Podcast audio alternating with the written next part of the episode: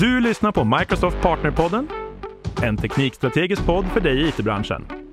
Med mig, Karl-Henrik Nilsson. Hej och välkommen! Idag talar vi med Daniel Akenin. Daniel är nationell teknikchef på Microsoft. Han är en uppskattad författare och föreläsare runt om i världen och jobbar tillsammans med regeringen i Digitaliseringsrådet. Välkommen Daniel! Tackar, tackar! Kul att ha dig här. Du är nog den som jag har fått flest frågor av lyssnare på podden att jag ska mm. ha med. Mm. Och det tycker jag är lite roligt. Mm. Så jättekul att du kunde vara med. Ja, men tack för inbjudan. Ja, du, jag har sett att du pratar ju väldigt mycket om AI på sista tiden. Mm. Men det är faktiskt inte därför de flesta vill att du ska komma hit. Utan jag tänkte vi skulle prata lite grann om cloud compliancy mm. idag. Mm. Som du också är mm. fantastiskt insatt i. Mm jag tänker så här, vart börjar vi? Hur mår du? Är, är allt bra? så många frågor. Våren är på gång. Nej men absolut. Eh, jag tycker det är en väldigt spännande tid på många sätt. Eh, både kring ny teknik som kommer som AI såklart, men också kring eh, nya frågor som dyker upp kopplat till infrastruktur, kritisk infrastruktur. Alltså hur ska vi ha en digital infrastruktur i framtiden? Där är jättemycket intressanta frågor tror jag som pratas om på många nivåer i samhället. Både från teknikfrågor men från politiskt eh, håll också. Jag tycker det här är lite kul, för när man pratar med dig om det här så känns det nästan som att du beskriver det här som möjligheter, som intressanta lösningar. Medan när man pratar med många av våra partners så upplever de det mer att det är ett problem att lösa. Vad beror det här på? Liksom? Vad, hur har vi hamnat här i att folk upplever det på det sättet? Ja, nej, men du pratar ju om ett begrepp som man skulle kunna kalla för cloud compliance. Och det, ja, det svenska ordet är väl kanske lite svårare att hitta, någon slags regel efterlevnad eller något sånt här. Men man kan väl säga, vi har ju gått ifrån ungefär tio år med eh, molntjänster generellt sett. Då. Eh, någonstans där runt 2010 så började man liksom se en stor uptake.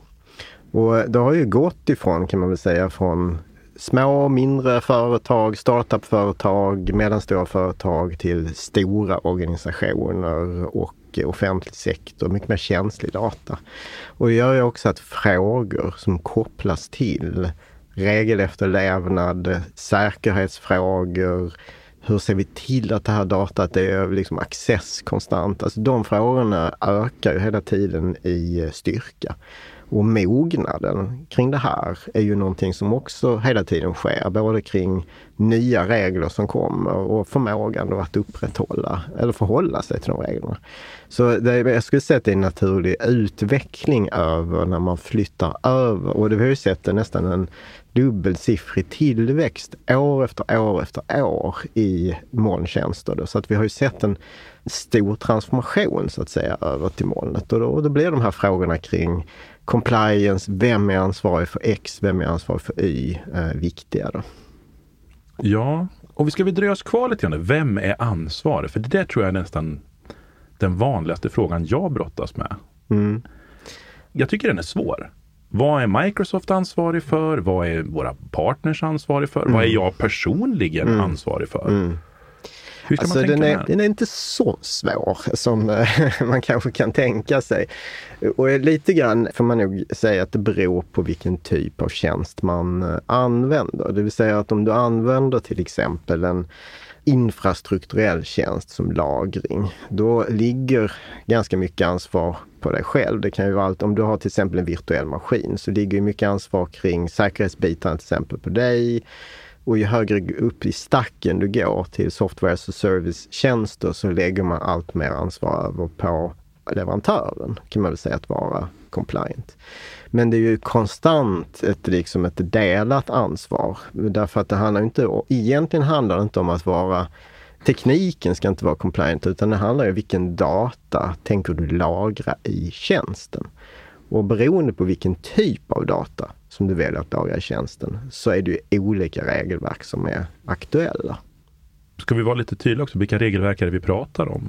Ja, det finns ju ganska mycket regelverk. Man brukar säga att antingen så, de stora regelverken när det gäller så att säga sekretess och dataskydd är ju naturligtvis GDPR som täcker in stora delar av den datamängd som finns runt omkring oss.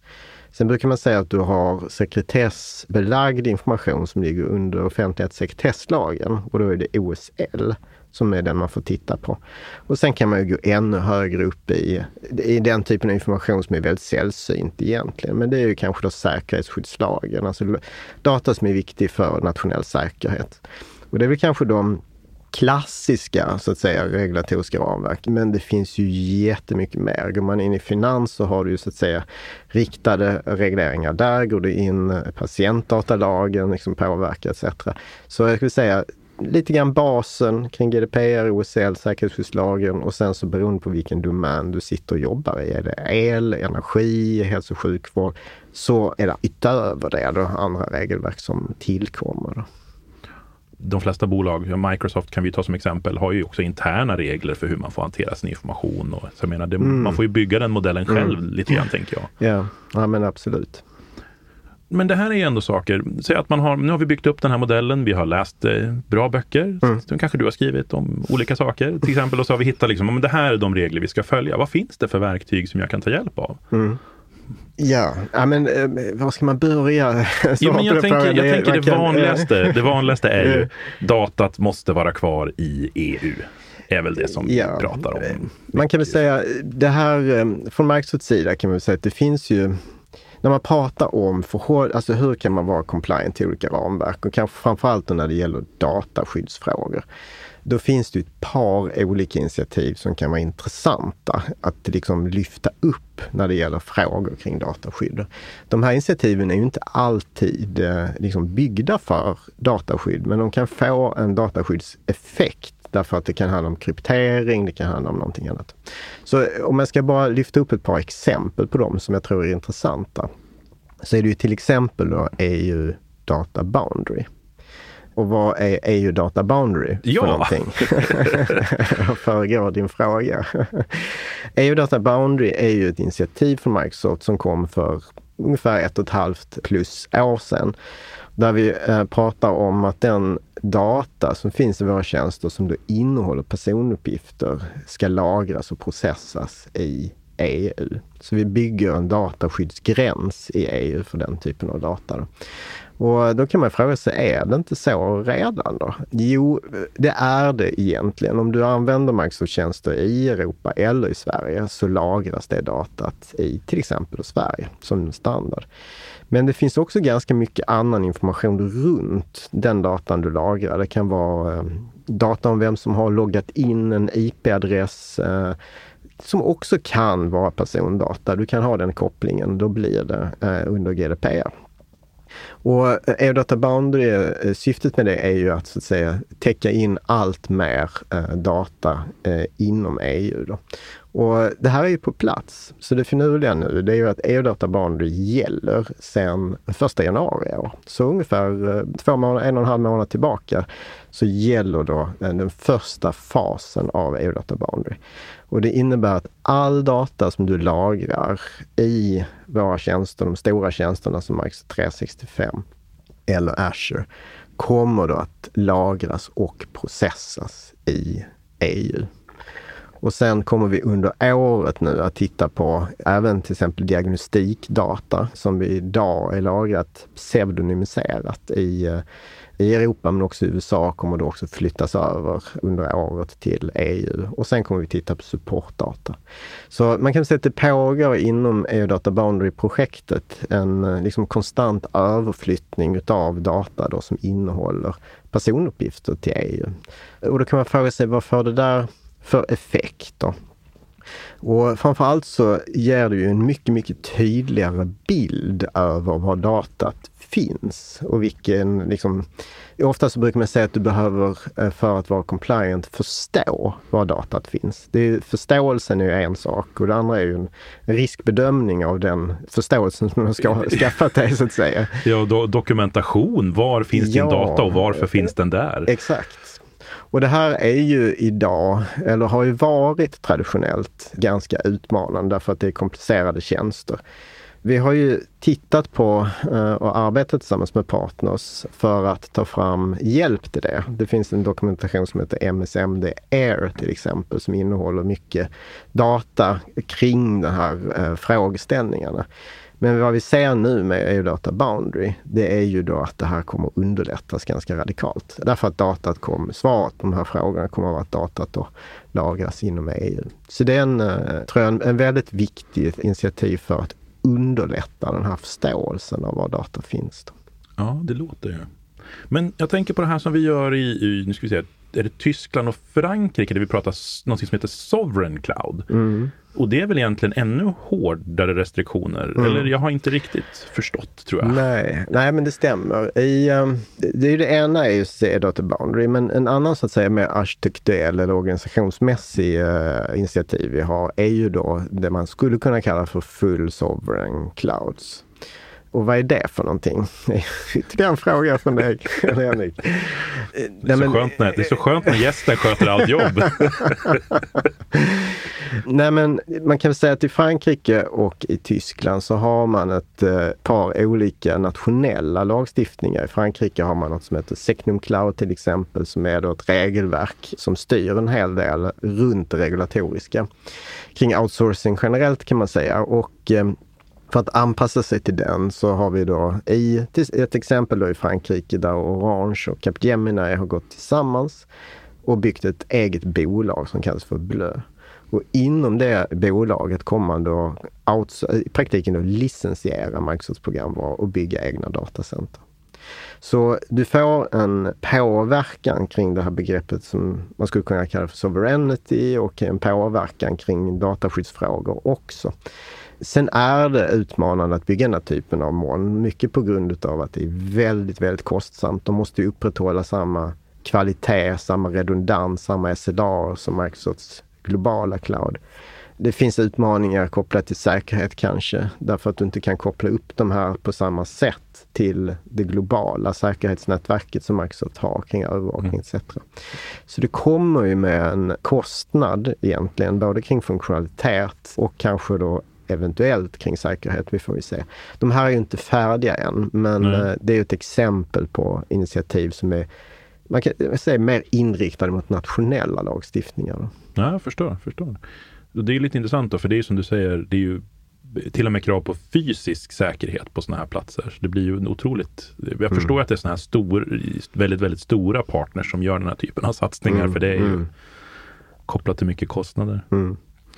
Men om man tänker den rent tekniska lösningen mm. för att liksom, om vi går tillbaka till compliance-delen, vi har mm. klurat ut vad vi behöver mm. följa så ska vi titta mm. på den mer tekniska lösningen. Mm. Vi har ju lite olika, olika lösningar, allt från confidential compute mm. till eh, kryptering av data och så vidare. Var, var hade vi börjat egentligen? Ja. Kanske är min fråga tror jag. Nej, men när man pratar om kryptering som en lösning för compliance-frågor. Det är ju ofta man gör det då finns det ju en mängd olika typer av krypteringar. Ofta när man pratar om dataskyddspåverkan, då vill man ju ofta kryptera mot leverantören så att säga. Kanske då för att eh, undvika komplexitet kring eh, röjande av information eller annat.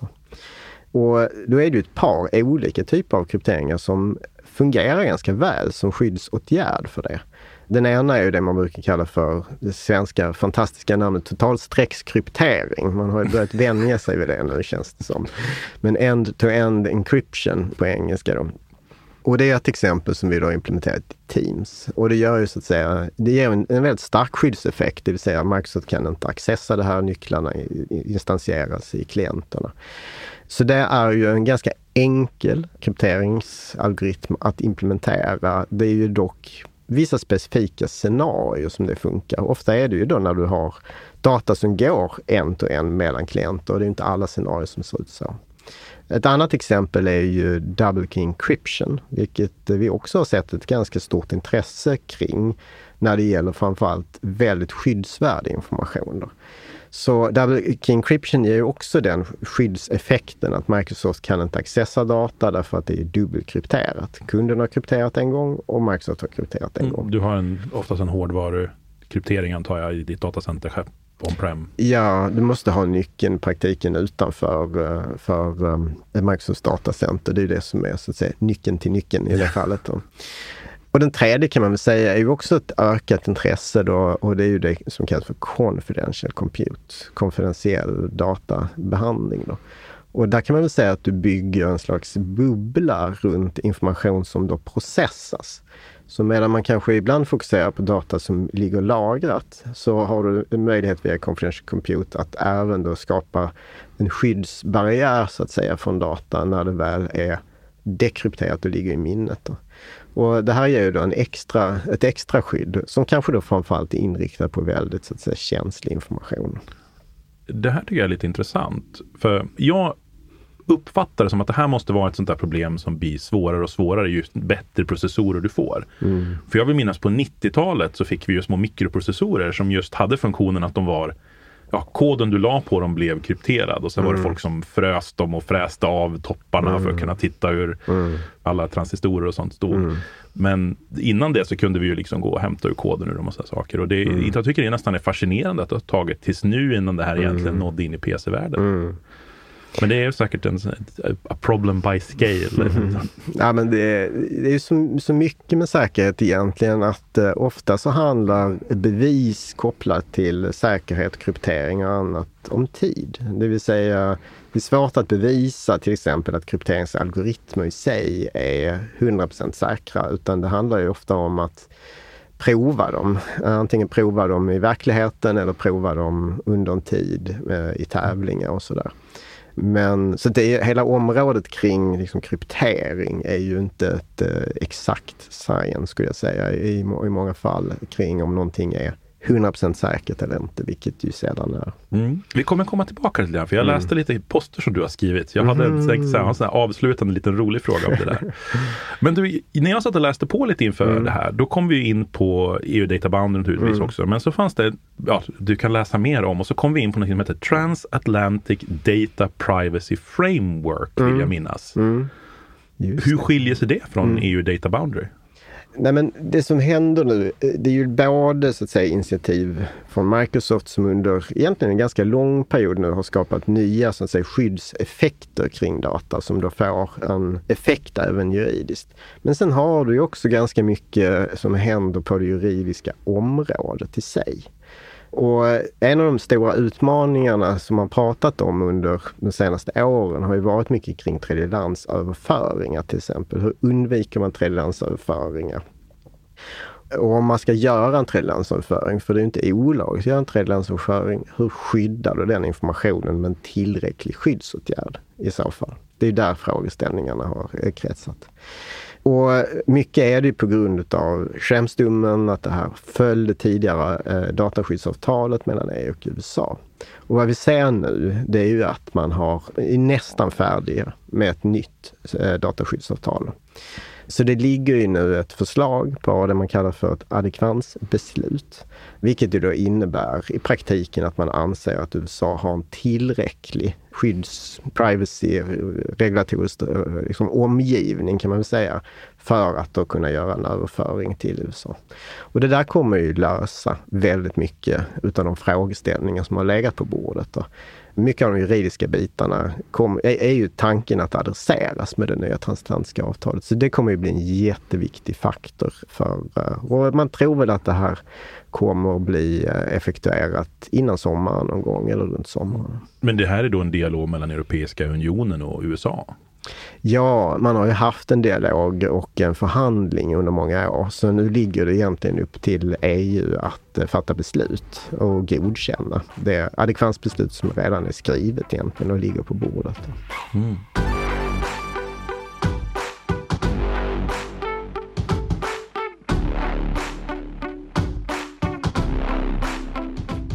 Vi har ju ett antal olika typer av ramverk där vi bygger mjukvara för cloud. Vi har ju Cloud Adoption Framework, Well Architected Framework och så vidare. Har vi något liknande ramverk? Eller är det egentligen MSMDR man ska gå på när man kommer till att skapa en god miljö för sin sekretessbelagda data? Ja, man kan väl säga att vi har ju eh, ett par olika guidelines. Det ena är ju då man kan säga MSMD är uppdelat i MSMD dokumentation som är mer en, en, beskrivning av vilka regulatoriska krav som dyker upp och olika tekniska åtgärder som kan passa för att adressera dem. MSMD Air är mer en approach kring hur gör man en riskanalys för att kunna få ett beslutsunderlag för att göra beslut kring risk. Det är väl egentligen två olika approach. Sen eh, finns det ett nytt projekt från Microsoft eh, som många inte känner till och det är något som kallas för Microsoft Cloud for Sovereignty. Och det var någonting som vi lanserade i somras när alla var på semester, så ingen kände till det, i juli.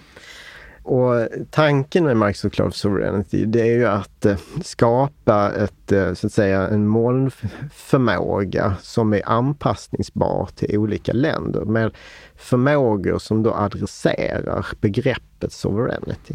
Och begreppet sovereignty är ofta kopplat till kontroll. Alltså man vill ha mer kontroll på data eller kring juridik eller kring teknik. Det kan vara olika intressen kring de här kontrollerna. Det kan vara som i, ofta i baltstaterna till exempel ser vi nu ett intresse av att kunna flytta data utanför i praktiken då möjlighet att evakuera data vid en möjlig invasion. Så man vill ju ha kontroll och flexibilitet kring att hantera olika förändringar i sin omgivning kan man väl säga. Och Microsoft Cloud Sovereignty är då ett exempel på en sån funktionalitet eller sånt moln som vi kommer då att fokusera mer kring den typen av förmågor. Och det kan då vara saker och ting som uh, Confidential Compute är ett exempel. Det kan då ge en, liksom en stark möjlighet för att lägga in extra så att säga skyddsvärd information. Det finns något som heter Azure Sovereign Landing Zone i Microsoft Cloud Sovereignty som då ger en möjlighet att ge kvalitetskontroll kan man säga för uh, data som du lagrar upp där. Så ett gäng sådana olika komponenter och det är någonting vi håller på med och tittar på i olika länder runt omkring i Europa. Hur ska man kunna konfigurera det här för land X, Y, Z?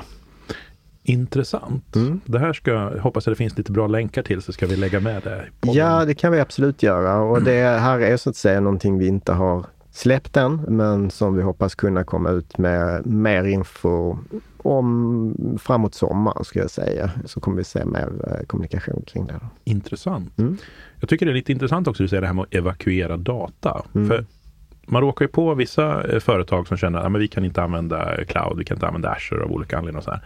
Men på sistone har jag börjat råka på partners som väljer att koppla många av sina noder via ExpressRoute in i Microsofts nätverk och använda Microsofts privatägda nät för att förflytta data mellan länder mm. för att de inte vill gå mm. igenom de länderna. Jag tycker det, det blir väldigt intressant hur, hur mm. olika mm. tolkningar man gör. Mm.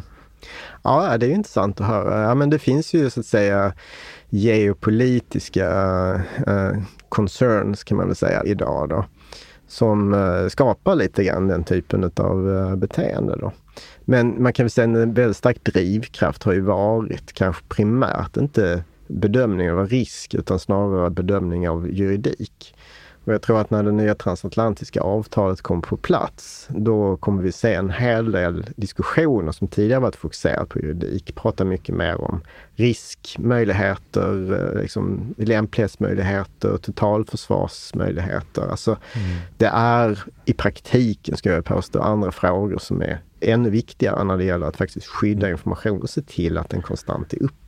Blir det som att det kommer att komma en andra våg av dialoger? Alltså nu, när den juridiska dialogen på något sätt den kommer ju aldrig bli klar, men när åtminstone när den når någon typ av stabil fas mm. så påbörjar liksom den tekniska dialogen med hur ska mm. vi lösa alla de här nya mm. mm. kraven och, och, behoven. Liksom. Nej men det är jag övertygad om och det är ju så att när vi konstant blir allt mer digitaliserade och du får mycket mer individuell påverkan också. Du kommer ju upp, koppla upp dig själv. Det är ju liksom otroligt mycket delar av samhället kommer vara beroende av algoritmer i högre utsträckning etc. Så blir det ännu viktigare att de här systemen alltid fungerar. För att när vi blir ännu mer så att säga interconnected till den digitala infrastrukturen, då blir det ännu viktigare att se till att den fungerar. Mm. Egentligen är frågan hur väl och hur resilient är den här digitala infrastrukturen? Hur väl klarar den av olika typer av hot? om de är geopolitiska krigssituationer, men det kan ju också vara jordbävningssituationer, det kan vara en solstorm som slår ut stora delar utav infrastrukturen i, i stora regioner på planeten jorden så att säga. Alltså den typen av händelser finns på kartan och då behöver man ju också fundera kring hur, hur stor påverkan för dem om de verkligen händer och vad kan man göra redan idag för att adressera dem. Ja, precis. Tillbaka till kortvågssändare och packetdata. ja. Jag tänker, jag kan inte låta bli när du ändå sitter där också, mm. att du är med i regeringens digitaliseringsråd. Hur ser svenska staten, liksom, hur jobbar vi med de här frågorna internt i landet? Alltså Sverige är ju ett ganska decentraliserat land jämfört med eh, många europeiska länder skulle jag säga. Och man kan väl säga att i Sverige så är det ju mycket mindre av den här typen att någon går och säger så här ska det vara, XYZ. Den här algoritmen ska du använda för kryptering. Det här är den säkerhetsstandard du ska använda. Utan man skjuter ofta ut det till eh, slutanvändare, vilket då kan vara, ja inom staten är det ju antingen individuella myndigheter, individuella kommuner etc. Där ligger egentligen ansvaret i hög utsträckning. Så ser det inte ut i alla andra länder faktiskt. Det är oftare att du kanske har någon central organisation som kommer ut med en, en standard som man ska upprätt, liksom, upprätthålla i praktiken och kunna förhålla sig till. Och det där är väl på gott och ont kan man väl säga, men det är så det ser ut. Ja, det är intressant att du nämner det här med att vi är decentraliserade. För det är ju ganska många olika, till exempel våra kommuner och våra landsting som har gjort olika tolkningar av vår lagstiftning och därför i olika grad är bekväma med att använda olika produkter.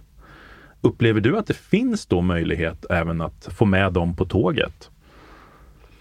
Nej, men jag tänker att när vi ser nu kanske det nya transatlantiska avtalet kommer på plats, när man pratar mycket mer kring alltså att juridiken börjar liksom sätta sig. Vi ser förändringar även i svensk sekretesslagstiftning till exempel. Vi ser nya internationella avtal. Det där är så att säga på gång och blir mycket mer moget. Då tror jag att fokus kommer att vara i mycket högre utsträckning kring risk. Vad är så att säga säkerhetsrisken kopplad till de här? Hur eh, ser man till att det här har bra redundans? Vad är det för möjligheter att motstå hot X, Y, Z? Och där ser vi ju att till exempel molnplattformar har ju en väldigt stor förmåga till det här. En av anledningarna till att man väljer en hyperscale molnplattform är ju mycket på grund av till exempel förmågan kring säkerhet, de investeringar som görs där som är ju hundrafalt ofta kanske vad traditionella datacenter gör. Så det är ofta det man är ute efter, tror jag. Också förmågan att kunna motstå både DDoS-attacker eller nation state-attacker. Det finns ju många andra typer av olika hot, så att säga. Så jag tror att frågeställningarna kommer att vara inriktade mot den typen av hotbilder och vilken förmåga man har att motstå den typen av hotbilder istället. Så att någonstans där är min prognos att vi kommer att prata om efter dataskyddsavtalet, eller de juridiska frågorna förhoppningsvis är lösta. Ja, det ska bli spännande att se liksom vad vi landar i för typ av värdeskapande dialoger framöver. faktiskt. Mm. Det, jag satt och tittade bara här på någon ny referensarkitektur vi släppte där vi matade all info som kom in i alla olika loggar in i Sentinel, hittade attackerande IP-adresser, direkt mm. blockade dem i Microsoft mm. Firewall. Mm. Eller inte i, i Azure Firewall. Det var mm. så, mm. Man blir så här bara, det där hade varit riktigt mm. svårt att bygga mm. för några år sedan. Och nu mm. börjar det bli liksom, så det mm. kommer ju så mycket sådana mm. coola säkerhetslösningar. Ja, Du, vi har pratat ganska länge och vi ska börja runda av. Men jag vet att du har ju också varit inne i ett område som vi kallar för quantum computing. Mm, det. Och jag tänkte att jag skulle ställa, avsluta med att ställa en fråga angående då kryptering. För att många säger ju att quantum computing kommer att döda mycket av de krypteringsalgoritmer vi har. Hur ser du på den? Ja, men det stämmer ju delvis. Vi har ju en eh, klassisk så att säga mm, algoritm som skapades av eh, Peter Shore, jag tror det var på mitten av 90-talet, som ju egentligen var en slags eh, uppvaknande kring vad kvantdatorer kunde göra om de hade funnits, var ju lite grann idén där. Och han visade ju faktiskt hur RSA-kryptering, alltså kryptering, skulle kunna brytas med hjälp av en en kvantdator med en viss förmåga, så att säga, ett visst antal qubits som är stabila. Och det där har ju legat lite grann som en, en bubblare kan man säga i decennier nu. När, när vi väl får den förmågan så kommer vi få problem med det traditionella så att säga RSA-kryptorna. Så jag tror vi ska vara förberedda på att det här kommer att ske. Vi vet inte när. Vi har ju förhållandevis stor förståelse idag kring vilka algoritmer som skulle vara kvantumsäkra och vad vi kan byta till. Men vi kommer ju behöva utföra det arbetet någon gång. Ja, Så det, ligger i framtiden. Precis, för det är ju mm. väldigt mycket programvaror mm. som förlitar sig på enbart RSA mm, egentligen. Mm, mm. Och där tror jag att det, det, där blir en stor transformation och kommer att ha ett väldigt stort fokus när det där börjar bli aktuellt. Då.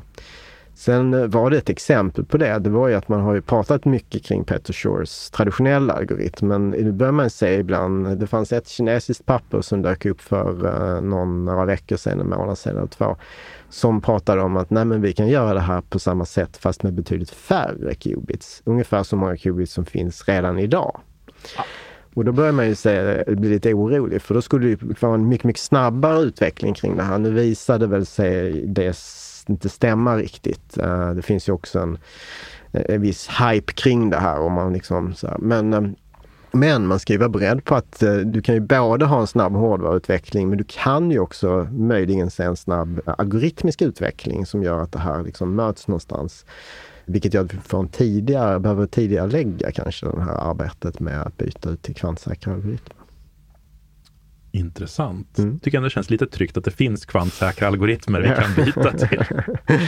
ja, absolut. Och symmetriska traditionella algoritmer är ju, så vitt jag förstår, betydligt säkrare i förhållande till kvantdatorer. Utan det är just de här asymmetriska.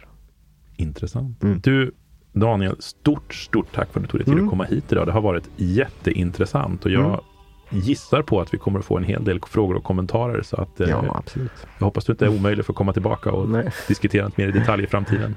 Mm. Tack så mycket. Du har lyssnat på Microsoft Partnerpodden med mig, Karl-Henrik Nilsson.